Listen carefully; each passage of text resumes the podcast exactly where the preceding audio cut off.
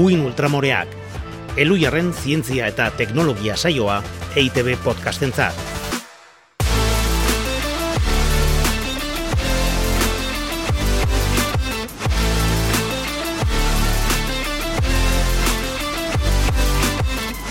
Kaixo, Ana, galarraga estaran, zer moduz? Kaixo, alaitz otxoa deribe agirre, ba oso ondo, zure konpainia beti ondo. Beti ondo, nire konpainian hori esaten du mundu guztiak. Ez zara lehenengoa, eta ez zara Zorionekoa zu. Bai, zorionekoa ni eta nire inguruko denak. Eta ni ere oso gustora nago hemen zurekin uin ultramoreak podcastari ekiteko prest gainera gaur, e, oso gai interesgarria daukagu, ez da? Izango ez da ba interesgarria, guk geuk landu baldin badugu. Guk aukeratu badugu zer esango dugu ba. Hori da. Bueno, gogoratzen zarete eh, estralurtarrei buruzko atal bat egin genuela? Ba, erdi txantxetan, hau da, erdi serio, galdetu genuen baote zegoen bizia dimendunik ez espazioan, baizik eta mundu honetan. Baina ez genuen hortik jarraitu, bizi estralurtarrari buruz aritu ginen. Eta oraingoan, bai, gai horri heltzeko asmoz gatoz. Egila da ez ala erresa adimena eta adimen motak definitzea. Baina argi daukagu hori bai, giza adimena ez dela guztiaren neurria. Ez horixe, badira bestelako adimenak, eta harrigarriak egiten bazaizkigu da batez ere, ba etzaigulako buruan kabitzen ez garela animalia adimendun bakarrak. Hoixe, eta hori erakusteko gaurkoan bestelako adimenez hitz egingo dugu. Adibidez, Ba, olagarroarena, elefantarena, beleena, inurriena, eta gurea. ez gurea ez, ez, Ah. bai? Gurea ez ote da gero eta txikiagoa, na? Ah, hori igual aipatzeko modukoa da. Ba hori guztia eta gehiago, albisten ondoren. Orain, albisteak ez da, Jon? Albizteak,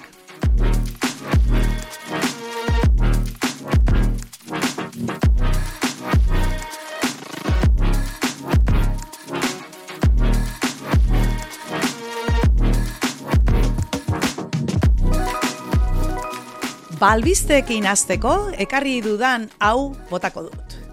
Hemen kuaderno potolo batean daukaanak, eh? Albistea, jakin dezazuen, eh, oso ana- analogiko etorri dela. Ba bai, kuaderno potolo honetan apuntatuta daukat e, izenburua, lerroburua, eta hause dio. Tximino baztangari, te baztanga deitzea proposatu dute. Te baztanga. Ba bai, Bai. ze tximino horrek arrazakeria kutsua dauka eta baztergarria da nola Afrikatik datorren eta tximinoak Afrika, bueno, ba batzuen buruan horlako loturak eta egiten dira. Eta osasunaren mundu erakundearen irizpidei jarraituta, ba, e, gaixotasunen izenek ahalik eta deskriptiboenak izan behar dute eta ez dute aukerarik eman behar edo ez da komeni behintzat horrelako ba hori bazterkeria edo diskriminazioa edo estigma sor dezakeen kutsurik izan behar. duzu gaixotasunarekin, Hori. gainetik eh, estigma eramateko, ez da? Izenak berak, ez? Eta Mhm. horregatik badibidez, ba mongolismoari aspaldi izena aldatu zion eta orain trisomia izena du. Hor kontua da, ba, Afrikatik atera den arte gaixotasun honi, ba ez diotela izen Bai, aldatu eta bai. erabakia ba ondoren hartu dela, baina Hori tira, ongi Afrikan etorri. zegoen bez, eh, bitartean, tximino baztanga dei, geni, de, deitzea bazegoen, baina orain Afrikatik irten denean gaixotasun hori, orain eh, guri etzaigu gustatzen horrela deitzea. Hori da, baztangaren are ez zaigun gustatzen, baina gero ja argitu zuten ez zeukala baztanekin zerikusia, orduan, Ah, izena, te baztanga edo mpox ingelesez. Mpox, oso polita. Ez daukat arazorik, te baztanga edo Mpox ezateko, egunero e-mail, retweet, googleatu edo crash hitzak e, erabiltzen baititut, ez da? Ze hipokrita izango nintzateke orain, hai, nire itzai gustatzen Mpox esatea. Hori da. Tira, hemen nire lehen albistea. Itzulpen automatikoan genero alborapena zuzentzeko teknika berritzaile bat sortu dute. Ongi etorria izan dadila. Izan adila, noski baietz, albiste hon bat. Gogoan duzuen hola Win Ultramoreak podcast honetan, lehen atalean adimen artifizialak dituen genero alborapenez aritu ginen. Ba, itzulpen automatikoan genero alborapena zuzentzeko teknika berritzaile bat sortu dute oraiko ikertzaileek. Gure kideak. Gure langileek, bai, bai, dena, dena esango dugu. E, itzulpen automatikoko sistema neuronalek, alegia adimen artifizialeko sistema horiek ere, arazo hori dute. Eta entrenamendu adibideetan, ba, ageri den genero alborapena itzulpenetara eramaten dute. Adibidez, nire ama errementaria da idazten badut euskaraz, e, gaztelaniara nola itzuliko du, mi madre es herrero. Ze, O, o, bai, de zebeak señoro. herrera e, ez dauka bere em, adibideetan. Eta nire aita erizaina da idazten badute euskaraz, gaztelaniara nola itzuliko du, mi padre ez, enfermera, e, txiko, sistema, ikasi zazu ondo egiten, eta horregatik oraiko ikertzaileek lortu dute, em, bueno, pues, e, alborapen hoiek gainditzea, eta ba, generorik ez duten gure bezalako hizkuntzetara txukun itzultzea, ze iruditzen zaizuana.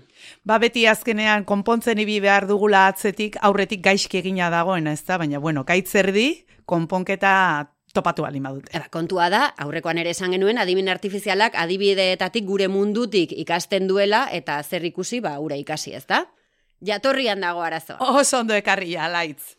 Ba begira, ni jatorrira jungo naiz, baina oso, oso, oso urrutikora.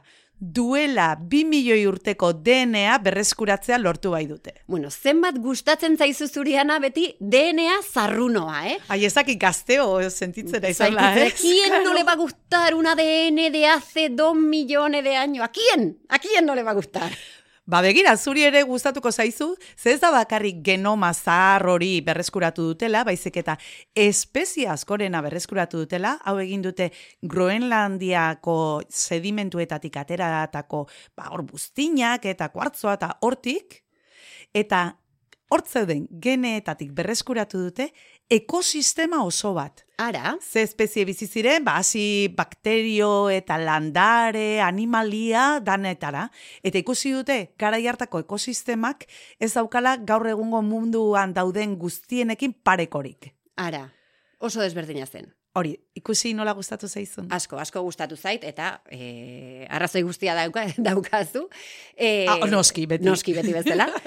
e, ez dut parre egingo. Gainera, orain e, dakarkizudan albiste hau, e, nahiko serioa eta kezkagarria iruditzen zait, eta horregatik ekarri dut. Antxiolitikoen kontsumoa igo eginda nerabeetan, bereziki emakumeetan eta klase apalekoetan inguruan irakaslerik baduzue, behar bada komentatu dizue e, e, horrelakorik, ezta? Behaien pertzepzioa, nik behintzat inguruan ditudan irakasleek komentatu didate zenbat ikasle dituzten gaur egun medikatuta antxietate arazoekin eta abar. E, bueno, pues behaien pertzepzioaz aparte, EHUko opik ikerketa taldeak egindako azterketa batean, ikusi dute emezortzi urterekin hiru emakumetik batek antxiolitekoren bat kontsumitu zuela 2019-2020 ikasturtean, hau da, pandemia agertu zen e, ikasturte horretan. Eta gizonetan, bostetik batek hartu zituela antxiolitikoak. Hirutik E, pasa, Pasada pila bai. bada. Ja, bostetik bat, asko da, Bai, mutiletan bai, eh, bai. gertatzen dena, asko- bostetik bat, Bai. asko da, emezortzi urterekin antxiolitikoak hartzen ibiltzeko, eta hor ere, ba, e, ba ikusten dezue, ze genero alborapen handia e, dagoen, ezta? Bai. Gainera, adinean aurrera egitean probabilitatea hazi egiten da emakumeetan. Hemezortzi urteko ikasleen artean probabilitatea amabi urtekoenen bikoitza zen. Ikaragarria. Ikaragarria. Bai. E, opikekoek, bueno, datuak hartzeaz aparte, e, analizia egin dute eta e, diferentzia hoien zergatiak azaldu dituzte. Haien esanean, emakumeek pairatzen duten desberdintasun material eta simboliko kulturalak, badibidez lan gutxietxia, prekarietatea eta barreak, ba, sufrimendu handiagoa eragiten du. E, alegia, ez dira, e, urteko emakumeak, aulagoak, edo, edo, edo biologikoki ez daukate arrazoi gehiago antxietatea sortzeko edo botika horiek behar izateko. Baizik eta behaien testu inguru e, soziokulturalak eragiten diela sufrimendu handiagoa. Gainera, ondo eza, osasun zerbitzuetan hartatzen da eta emakumeak egia da gehiago doazela kontsultara gizonak baino. Ahultasuna erakustean eta zaintzen balioan sozializatuta e, baitaude.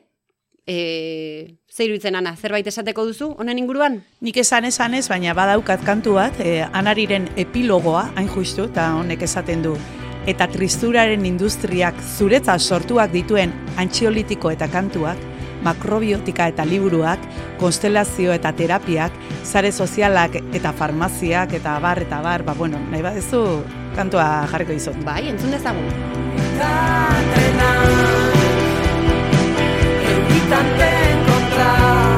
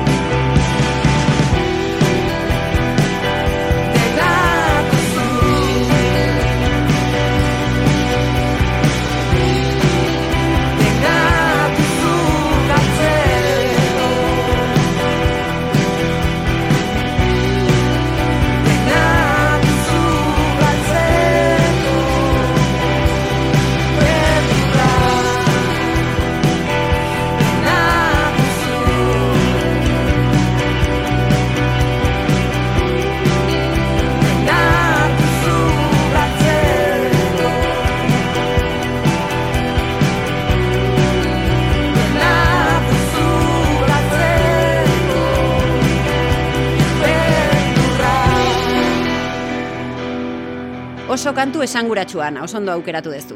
Orain, soinu misteriotsua entzungo dugu, ezta? Hori da? Soinu misteriotsua. Bueno, soinu misteriotsua jarriko dugu jarraian, baina gaurkoan nik badakit zer den.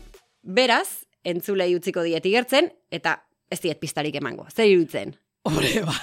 Oiz dakizunean orduan bai ibiltzen zarela horrela, eta guain badakizula eserrez. Bai, bueno, bueno, holako naiz. Ja, ja, ja, bai, bai, Baina segi, aurreko segi. asmatu nuen, eh? Bai. Eta pista ona eman nien entzulei. Hori ala da, hori ala da. Tira, ba, entzun dezagun.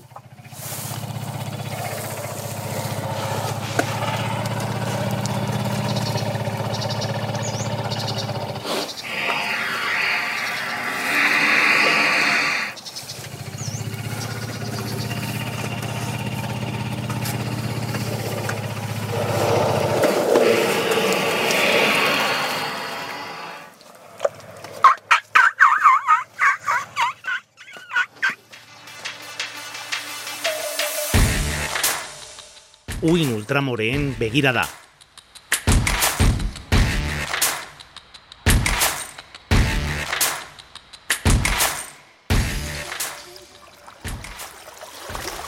Itxasora etorri gara bizidun adimendunen bila. Izan ere, gizakiarenaz bestelako adimenak badirela esan dugu hasieran eta olagarroak aipatu ditugu. Ta zergatik olagarroak?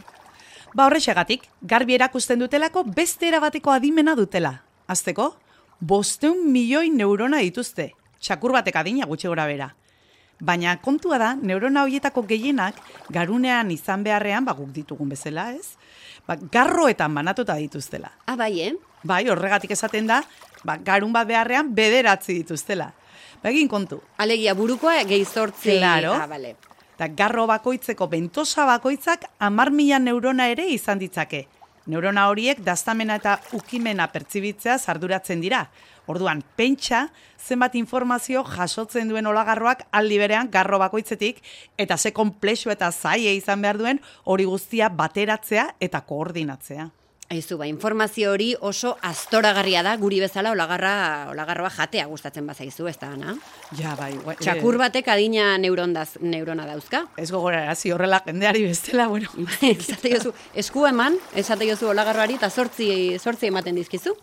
Bueno, ba, ariketak egiten ikasteko gai dira, eh? Zabiltza oso urrun. Ze adibidez, ba, sardina lata bat irikitzia e, lortu izan dute, palanka baten bidez, eta pertsonak ezagutzeko ahalmena ere badute. Hor bada anekdota bat oso polita, Zelanda berriko laborategi batean, olagarrotako batek ez zuen bat ere gogoko ikertzaietako bat, begiz jota zeukan, eta ura parean jartzen zitzaionean, zast, ur zorrota botatzen zion garondora. Ah, e, bueno, kontua da zergatik ez zitzaion ikertzaile ura gustatzen, ez da? Zerbait egingo zion, akaso? Ba, azteko preso zeukan, baina bueno, hala ere jolasteko taretarte hartzen zuten eta biurrikeriak egiten dituzte hola itsasoan libre daudenean. Aha. Eta guaindikane, gauza pila bat dituzte zientzialariek ikasteko olagarroaren adimenari buruz, eta normala da, ze esan bezala, ba, konektatutako bederatzi garun izango balituzte bezala baita.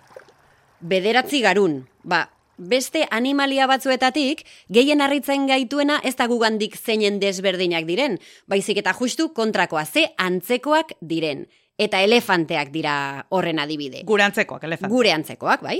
Esaterako, harrigarria egiten zaigu hildakoekin duten harremana. Izan ere, dakigula, neandertalak eta sapiensak alde batera utzita, hileta herrituak dituzten animalia bakarrak elefanteak dira. Adibidez, bere kide bat hiltzen denean, mina adierazten dute, eta hilobi moduko bat egiten dute adarrez eta lurrez estalita. E, hilobiak bisitatzeko ohitura ere badute, azaroaren batean. Lore eta guzti. ez, azaroaren batean, ez? Baina bisitatzen dituzte e, hilobiak. Eta pertsonekin ere erakutsi izan dituzte antzeko jokabideak. Adibidez, ba, zauritutako pertsonak za- zaindu izan dituzte, eta pertsonen gorpuak ere obiratu dituzte. Hau ikaragarria da, ez da? Bueno, aurrena be, ondo begiratuko dute benetan hilda dagoen edo siesta Ja. botatzen ari den. E, katalepsia edo nola zen beste Bai. Katatoniko gelitzen da. Bai, bai, edo bai, bai. Segun ze trompa daramak izun. Kontuz, elefanteak hildako batekin nahastuko e, zaitu eta. Bueno, eta izu, txorakeri jakutzi eta jolasten jolasten aldute. Olagarroa bezala, adibidez. Ba, elefantei, bai, asko gustatzen zaie e, jolastea, elkarri ba, ura botatzen diote, adibidez, eta baita ere, oso ezaguna da, memoria ona dutela, elefante memoria, ezta? Eta gai dira, beraienak ez diren komunikazio moduak ikasteko eta erabiltzako, erabiltzeko. Ejemp, elebakarrok. Ba, eh, bai, gu baino gehiago, begira. Bai, bai. E, tresnak manipulatzen dituzte, trompaz baliatuta, eta musika eta melodia desberdinak bereizten dituzte. Krak batzuk elefanteak, ez da? Trompa eukitzeak ematen die jokua. Bai, Eh, bai, hor- abantaila bada, abantaila bada, ez dugu katuko. E, azkenengo gauza bat esango dizut, nahiko flipantea. Afrikako elefante emek, boraginazia ezuaitzaren ostoak murtsikatzen ikusi izan dituzte, ba, erditzea bultzatzeko. Eta Keniako emakumeek ere, berdina egiten dute landare hori bera erabiltzen dute, helburu berberarekin, hau da, erditzen laguntzea. Total, guri iruditzen zaigula kristona garela, ez dagoela gure Bai. parekorik, baina elefantiak ez dira el, gugandik hain desberdinak. Edo gu ez gara elefanteetatik oso desberdinak. Hortan arrazoi, eh? Jak, nundi begiratzen den, baina zerbait esan nahi aldi da zorrek. Bai, baina dana ona, dana Ah. ona. Ados, ados, ados. Bueno, ba, orduan nik orain bele ez hitz egingo dizut eta hor ere badakizu zozoak beleari ipur bel. Ipur beltz, bai horixe. Ba begira, hasiera hasieratik esan dugunez, era askotara definitzen da adimena. Baina demagun, hau definizio bat, eh? Adimena dela informazioa eskuratzeko, prozesatzeko eta erabakiak hartzeko gaitasuna. Erosten dut, definizio. Ados? Ba, definizio horren arabera, orduan bai, beleak eta familia horretako hegaztiak benetan dira adimentsuak. Ikasteko, oroitzeko eta arazoi irtenbideak topatzeko ahalmen handia dute. Eta oso trebeak dira tresnak egiten. Pentsa, tresnak egiteko erremintak ere erabiltzen dituzte. Alegia, makina erreminta sortzen dute. Hori da. Elefante, oi, elefanteen berriz, beleek. Eta hor dator, eibarrekin daukaten lotura, ze. Eibarren, bai, bai, makina Bele erreminta... asko dago. Bueno, zaki, baina metal musika sortzen dute eta beleak azaltzen dira justu metal musikaren. Bueno, bueno, bueno, Diskoen bueno. azaletan. Festival del humor, gaur. Eso es del humor, de, de adimena, adimena, ba, saiatu berra daukat. Ba, bueno, kontua da hori makina errementa horiek egiteko aurrez ezagutzen ez zituzte materialak ere baliatzen dituztela. Eta gainera elkarren artean ba harreman konplexoa dituzte eta bezekideen portaera eta erabakiak aurre ikusteko gai dira. Beleak? bai, gure espezian gertatzen ezen bezala, ze Ez, batzutan ez. bakoitza bere doa eta... Bo ez, ez. Ni, Ba, ez bai. naiz bat ere gai beste enportaerak aurre ikusteko. Bele bat horregatik, behar dut. horregatik harritzen gara. Bueno, ba beitu beleak oso ohikoak dira ipuinetan eta kondaira askotan eta hoietan garbi ikusten da ba jokabide adimentsuak dituztela. Ta azken urteotan zientzialariek ba jokabide hoiek berretxe dituzte eta haien garuna ere aztertu dute. Eta ikusi dute, naiz eta garun hoiek oso desberdinak izan gureengatik egitura aldetik eta Mhm. konplexutasunean Bai, gureen parekoak dira. Ara. Zebiltza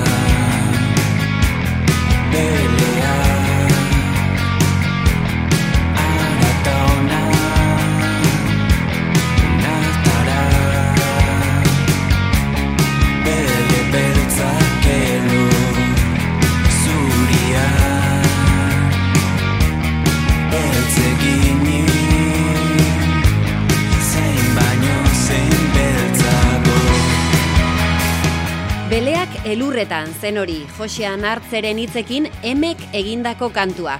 Eta esango nuke Josean hartzek inurriak aipatu zituela poemaren batean edo bestean, ezta? Eta zertara datoz inurriak? Ba begira, inurriek, erleek eta beste intsektu sozial batzuek adimen kolektiboa dute. Haietako bakoitzaren gaitasun kognitiboa txikia bada ere, osatzen dituzten kolektiboek ahalmen ikaragarria dute elkarrekin antolatzeko eta arazoak soluzionatzeko ana. Baba daukago nondik ikasia. Eta hola, neurri txiki nimino batean, alako zerbait gertatzen ari zaigula ere zote dute deskubritu bai ikertzaiek. Gizaki hoi. Ba, be, be, A be, ber, a be. ber, kontatu. Beitu, kontua da, gizakiaren garunaren neurriei erreparatu diotela ikertzaiek evoluzioan zehar. Eta ikus... Garunaren neurriari. Bai, ez buruarena, eh? Garuna. Bai? Eta ikusi dute, homoen garuna, lau aldiz handiagoa dela, txinpantzeekin zuen arbaso komunetik bere izenetik ona. Alegia, txinpantzeok eta gu bagenuen arbaso komun bat, ez da? Bai. Eta ordutik ona, lau aldiz haunditu da homoen garuna. Gure garuna. Bai, Mhm. azkunde hori egila da ez dela izan jarraitua, ez da gainera unibertsala izan, baina fosiletan ba, hori ikusi dute. Baina gero, momentu batetik aurrera, txikitzen hasi da garuna. Ara, Eta txikitze hori gainera, nabarmenagoa da, azken iru mila urtetatik gaur egunera. Eta ez dute baztertzen, txikitzen jarraitzen duela gaur egun. garuna txikitzen ari zaigu. Ba bai, Mhm. Eta horren azalpena itxuraz, ba, da- zer ikusi dauka, justu esan dezuna inurrienarekin eta, ba, nola gero eta gizarte komplexuagoak osatzen ditugun, gure adimen kolektiboa azten junda. Eta Ah. orduan, norbanakok ez dugu hain garun handia, behar. Bueno, eta horren froga garbia gubiok gara, ez da? Ze gubiok nahiko buru txikia daukagu, ez da oso garuna handia gabitzen gure buruetan. Claro. Gainera, eh, seguru tartearek ere baditugula, Hor betetzeko. kutsune batzuk. Baina, bueno, elkarrekin pentsatzen badugu ez dugu garun handiago horik behar. eh? Adimen kolektiboa dugu. Oh, Bion artean ikaragarrizko garuna daukagu. Gaur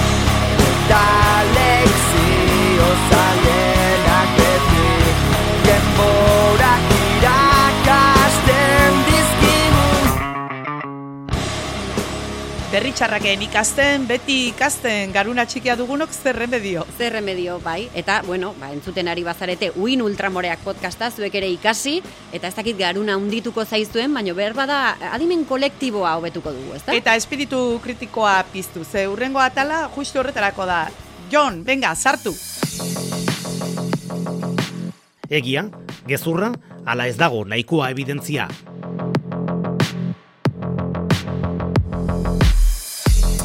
Ea bana, zerrekin hasiko gara. Ba, lehenengoa, eh, hemen doa.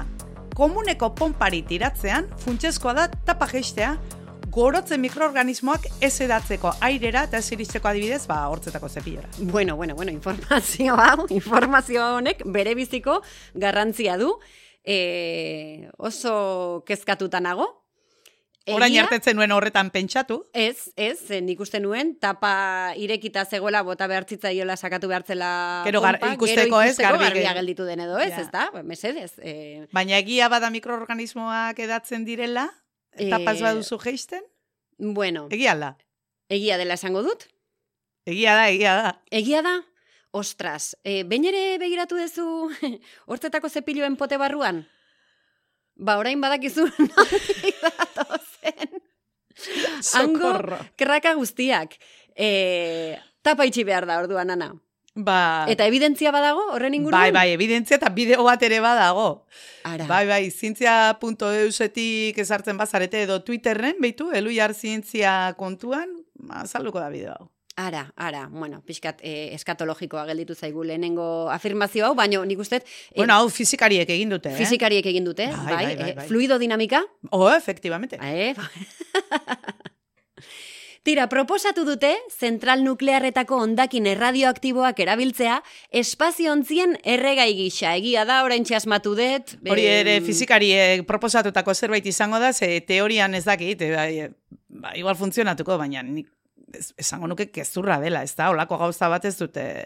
Ba, e, proposatu, proposamena behintzat, egia da, esako fizikariek proposatu dute, amerizio bilau bat isotopoa bidaltzera e, espazioa, espaziontzien erregai gisa. Alegia, lehen alfombran azpian sartzen genituen gure ondakin erradioaktiboak, edo lurperatzen genituen horrelako sarkofagoetan, eta orain, esan dute, bueno, zergatik ez bidali nora eta espaziora. Bueno, e, behintzat erabilgarritasuna topatu diote. Bai, Haure erabilgarritasunarekin lotutakoa. Garai batean, inuitek itxastxakurren larruz eta gorolioz egiten zituzten pardelak, umen bixoialak. Itxas txakurren larruz eta goroldioz. Bai, Ah, ba, nahiko goxuak, ez da? ba bai, eta asko zurgatzen dute. Bai, ba, orduan egia izango da. Eta egia da. Egia da. Eta ez du topatu informazio hori, baina hilekorakore, mm, bueno, susmo hartzen diot hortik jungo zela. Hortik jungo zan, zen, bai, bai. E, xurgagarritasun handia baldin Bai, badu goroldioak? zeola aire librian ibiltzia, oinuita ganiten du notzarekin igual zerbait behar dute, ba, zerbait babesten. Abrigatzen duna, ez da? Konpresa baino abrigatzen una. Hori da, orda, bueno.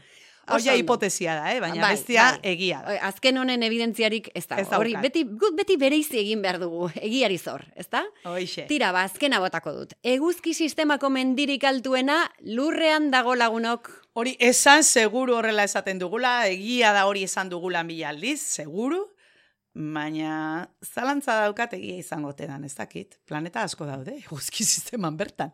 Eta juistu gurean izatea, ez? Ba, bai, kasualitate handia izango litzateke, edo behintzat eh, izango litzateke neurtutako eh, handiena, ez da? Ba ez, neurtutako handiena marten dago, eh, Ara. Olimpo deitu diogu, Ui, que raro. eta hogeita lau kilometro alegia, bim, hogeita lau mila metroko altuera du. Alegia, astronautek ondo entrenatuta joan beharko dutela martera, ba, tontorrera iritsi nahi badute. Edo han bertan tontorrean marteratu. tontorrean marteratzen zara eta gero ba aldapan bera askoz ere errezago. Arrazoi, Arrazoi, arrazoi, ondo pentsatua. Ba, soinu misteriotxoa zer den argitzea, besterik ez zaigu falta. Eta esan duzu badakizula zer den, ez da laitz? Berriro entzungo dugu eta ea Venga, asmatu duzu. Baietz, baietz asmatu.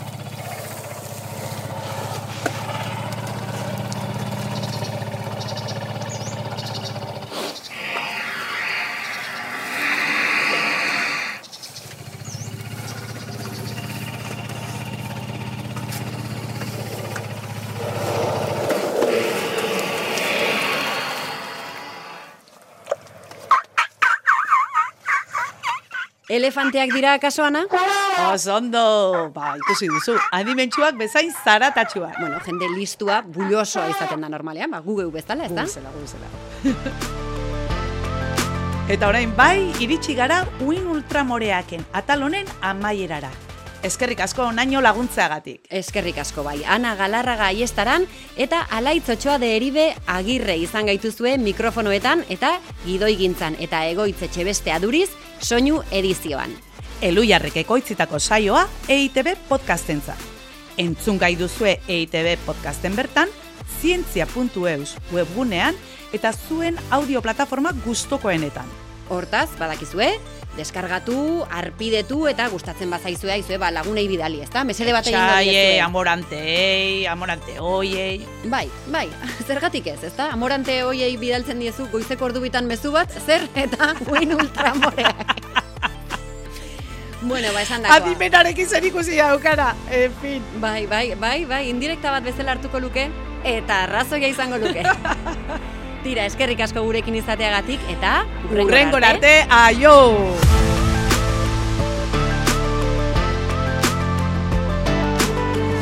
Uin ultramoreak